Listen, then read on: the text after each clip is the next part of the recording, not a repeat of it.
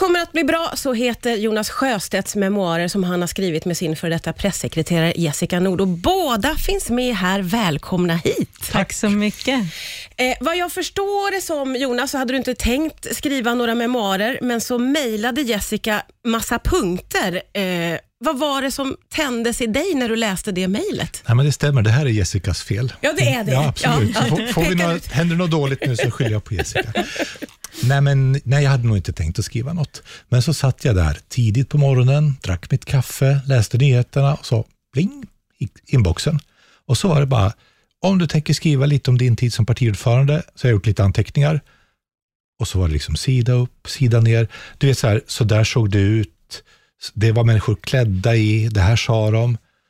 Och då tänkte, när jag satt och läste så en, ja, då ändrade jag mig. Tänkte att vi ska ju göra den här boken tillsammans. För att det fanns så mycket underlag som Jessica redan Ja, men hade. det gjorde, och då fick jag också liksom, ja men det är ju min uppgift att skriva om hur jag tänkte, hur det kändes, vad vi ville, ja, Ja. i alltihopa det här. Ja. Och Vad var orsaken, Jessica, till att du förde den här typen av dagboksanteckningar? Ja, men jag är ju själv chockad att vi sitter här idag och att det faktiskt blev en bok, för det var aldrig min tanke. Under åren med Jonas så har jag hela tiden haft känslan av att det är en, en väldigt speciell och omvälvande tid som vi har varit inne i, så att det, det kändes viktigt för sin egen skull att skriva ner vad som hände. Så under åren så har jag gjort som någon slags eh, extremt ärliga dagboksanteckningar, väldigt osensurerat, där jag har berättat precis vad som har hänt i politikens korridorer bakom de här kulisserna, de här hemliga mötena som man inte fick prata om när de skedde, eller vem som sa vad, vem som skrek vad i ett bråk. Allt det där skrev jag ner. Ehm, och när Jonas skulle sluta så mejlade jag över det till honom. Och Det som har varit så härligt i att skriva boken med honom är att han har varit så otroligt ärlig också. Att han, I och med att jag väl hade skrivit ner det, så har han väl tänkt att jag, jag får stå för det här. Ja, hur tänkte du kring det? För det är ju en väldigt rättfram bok, får man säga på så sätt. För att vara från en politiker. Ja, nej, men jag har själv läst lite olika memoarer och de är ofta olika varandra. Och Att man skriver ihop så här, det är ovanligt. Men det jag inte ville, det var att det liksom bara skulle vara allting gick jättebra. Jag blev elevrådsordförande redan när jag var 12 och sen har det bara gått uppåt. Liksom, för så är det ju inte. Utan ibland så blir det inte alls som man har tänkt sig. Ibland så är det bakslag, ibland så känns det jättefint, ibland så känns det hopplöst. Och då tänkte jag, men det, det får vara så. Det, eh, ja, det, det, är liksom, det är ju så det har varit. Ja, och nu var du ju inne på det själv, anledningen till att ni skriver ihop. Det är lite ovanligt kanske att man skriver memoarerna tillsammans med eh, sin pressekreterare, sin dåvarande. Hur tänkte ni båda kring det? Ja, men jag tycker att det kändes väldigt fint att få vara med under det här. Jag är väldigt glad i och med att vi, hade ju, vi var länge kollegor och då blev det att Jonas berättade mycket saker för mig i förtroende, så här, som man gör när man, man sitter kvar efter jobbet och småpratar lite. Eh, och Det gör att vi kan ha med sådana saker i boken som eh, i början så beskriver vi väldigt jobbiga saker som Jonas var, var eh, inblandad i. Ehm, när han själv inte tyckte att det kändes så roligt. Och Det vet jag är sånt som inte har kommit ut tidigare. Vid ett annat tillfälle så satt vi kvar inför en partiledardebatt, åt falafel och så berättade Jonas om hur han och hans fru träffades och hur deras kärlek växte fram. Och Det tror jag också är en typisk sån sak som Jonas kanske själv inte hade valt att skriva om, men nu när jag väl hade skrivit ner de här jobbiga sakerna och de eh, fina kärlekshändelserna, så eh, har han låtit det stå kvar. Ja, det är en väldigt, väldigt bjussig bok, det får man säga. Vad skulle du säga, Jessica, eh, utmärkte Jonas som partiledare? Oj. Ehm, jag tror att det är att han, när han kom till partiet så såg det väldigt mörkt ut på många sätt. Ehm, alltså när han blev vald till partiledare så um, var det ett väldigt splittrat parti. Var rejäla skyttegravar som var grävda där. Uh, och hans jobb som partiledare har ju varit lite att ena partiet under åren um, och göra det till det här mer folkliga Vänsterpartiet som vi är idag. Mm. Hur lyckades du med det då, Jonas? Nej, men det var mycket jobb och det var ganska trevande från början. Vi kom på, vi har inte en susning om hur väljarna ser på oss. Vi tror vi vet det, men vi vet inte det. Så vi tog reda på det och det var ganska nedslående. Vad fick ni veta? Eh, att de såg på som ett gäng välvilliga klåpare som pratade mycket men inte fick något gjort. Nej men fy vad tråkigt. Ja, men det, det var inte kul. Det var inte det. Nej. Nej men så, så tänkte vi att det där måste vi ändra på. Då måste vi förstå vad vi vill. Och att vi är ett parti som gör reformer och som liksom kan förändra människors vardag. Det var en orsak till att när vi sen kom in och började förhandla med regeringen och allt ifrån mindre saker som fria glasögon till barn till mer pengar till äldreomsorgen och fler hyresrätter så började vi plötsligt liksom berätta om det med stolthet. Vi är ett parti som vill vara med och förändra till det bättre. Och så hade inte riktigt Vänsterpartiet gjort förut. Och sen byggde vi upp ett, vi försökte liksom ordna, politiska möten är inte alltid jättekul.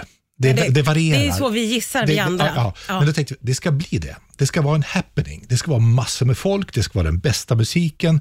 Man ska gå därifrån och tänka, wow, det här var någonting. Ja. Och så börjar vi kika på, ja men kolla på Bernie Sanders i USA. Eller kolla på Spanien, de gör ju det där. Ja, vi åkte dit, vi träffade dem, vi lärde oss och så började vi bygga upp det. Ja. Eh, under åren så eh, kan man väl säga att eh, det har varit ganska eh, prövande relationer med eh, Stefan Löfven och Socialdemokraterna.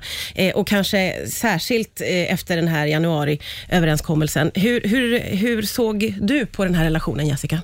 Ja, men jag har verkligen sett hur relationerna förändrats. Jag minns de här första åren med Jonas. Då var han jättenoga med att boka upp möten med Stefan Löfven. Eh, De träffades alltid på hans kontor, tog en kopp kaffe. Ibland var det någonting som man verkligen skulle prata om, ibland var det bara för att man ville ha en, en relation med varandra, tänkte Jonas. Om man ska kunna jobba ihop, göra politik ihop, så är det bra att faktiskt eh, kunna snacka med varandra. Ehm, jag kommer också ihåg någon gång där under de första åren så var Jonas satt i bilen eh, med sin familj, eh, Ann och barnen och då när de, eh, de skulle upp till Umeå, där Jonas har sin stuga, då stannade de till vid Stefan Löfven eh, hemma hos honom och äter en pastasallad med varandra. Eh, det är frun Ulla som har gjort den och det är liksom en, en ganska god ton. Ja. Men sen under åren så förändras det här mer och mer. Eh, allt mer så växer det en besvikelse eh, från Jonas sida när han märker att det är ganska tungt att driva igenom vänsterpolitik med Socialdemokraterna. De, Någonstans är det i grunden som att de verkligen inte vill. Eh, och Allting det här kulminerar ju egentligen under några av de sista dagarna som Jonas har som partiledare. Då, eh, sitter, då är, ju, är vi inne i de här LAS-bråken och då sitter jag på mitt kontor och så hör jag ett ganska högljutt bråk. Eh, Så jag tittar ut på gatan och tänker att nu, nu är det någonting som händer här utanför. Ja. Men det är helt tomt i gränden utanför. Och Då inser jag att de här mansrösterna de kommer inifrån Jonas rum. Eh, Vi sitter vägg i vägg med varandra. Och då är det Jonas som pratar med Stefan Löfven på högtalartelefonen. Och vad, vad hör du för någonting? Ja, men det är då som eh, Jonas delger Stefan Löfven ett ultimatum eh, i LAS-frågan. Mm. En typisk sak som vi inte berättade om när det hände, men det skriver vi om i, i boken. Ja.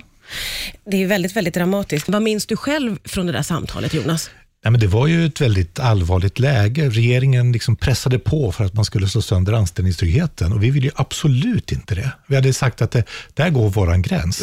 Och då gav vi en tid. Ni måste dra tillbaka det här förslaget. Det var en utredning som kallas Toijerutredningen. Ett visst klockslag, annars så fäller vi regeringen. Men sen drog de tillbaka den där utredningen. Så att det, ja, det, och det här, jag gillar egentligen Stefan Löfven. Det är det som är liksom det, alltså jag, jag gillar personen Stefan Löfven. Ja. Skulle gilla honom som granne på sommarstugan, perfekt liksom. Lagom, alltså vänlig och trevlig men inte påträngande och allt sådär. Men vi ville ju helt olika saker i politiken och vi fattar ju det att han vill ju hänga med Centern och Liberalerna. Och, liksom, och då blir det bara besvärligt när vi var där. Vi ska ta bort vinsterna i välfärden och vi ska låta miljardärerna... Det passar liksom inte in i hans projekt. Och då blir det ju en, en rad politiska konflikter. Och det är klart att det, det blir ett av ett tema i den här boken. Hur tänker du eh, kring vad, som, vad din efterträdare tog sig för sen då? Nej, men jag tycker det var jättefint. Det var ju verkligen, hon stoppade marknadshyrorna och det hade vi också sagt att vi skulle göra. Och eh, kan man säga avslutade den här högergiren med januariavtalet. Och det var ju det som vi hade sagt att vi skulle försöka göra. Och jag måste medge att jag var, jag var väldigt glad den dagen. Jag tyckte att det var fint. Jag tyckte det var så det är viktigt, det är viktigt för att folk ska ha råd att bo. Alltså det är ju det. Och ja, så nu gjorde vi det. Hur, eh, hur är det att få lite distans till den här tiden eh, för, för er båda? Ja, men det har verkligen varit så att skriva sig igenom det, därför att partiledaruppdraget är så intensivt. Så den här tiden för att smälta saker och reflektera, den, den finns ofta inte riktigt där. Och det har nog gjort med den här boken, att jag kan liksom, men så här tycker jag att det var.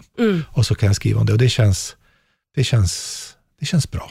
Hur kändes det för dig, Jessica? Ja, men det känns jättefint att skriva boken ihop, för att man förstår ju mycket bättre vad som har hänt också, när man faktiskt skriver ner det. Och så känner jag också att i, när Jonas och jag skickat texterna fram och tillbaka till varandra, mellan Huddinge och Hanoi, eh, så eh, känns det som att jag har fått lära känna Jonas på ett djupare plan också.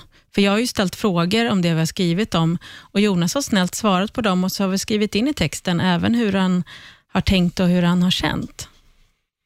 Får jag fråga, hur valde ni titeln till boken? Ja, det är en skylt, en vägskylt i en villaträdgård i Umeå där det här står. Eh, ett konstprojekt från början. Och Jag tog en bild där och den fick ett otroligt genomslag. Och Jag tror att det handlade om tiden. Att det var efter den stora flyktingkrisen 2015. Och Jag tyckte det blev en man säger, argare och hårdare ton i politiken. Mycket ilska, mycket rädsla. Och vi tänkte, vi kan ju inte dras med i det där. Vi måste säga att saker går att lösa till och med klimatproblemen som är så svåra och vad det nu är, vi kan lösa det tillsammans om man gör saker. Allt kommer att bli bra. Det är liksom vår ingång i det. Och det var precis som att massa folk där ute i stugorna kände, nej mitt Sverige är inte det här arga, rädda Sverige. Mitt Sverige är liksom handlingskraftigt och beslutsamt och rätt, ett schysst land, ett bra land. Så det plötsligt liksom slog an någonting där. Och då tänkte jag, ja men det är ju det vi vill att Sverige ska vara och det är det som vi vill att vi ska vara också. Allt kommer att bli bra. Jätteroligt att prata med er två. Jag hade kunnat prata resten av eftermiddagen, men jag ska släppa er. Tack snälla Jonas Sjöstedt och Jessica Nord för att ni kom hit. Boken heter alltså Allt kommer att bli bra. Tack så jättemycket. Tack så mycket.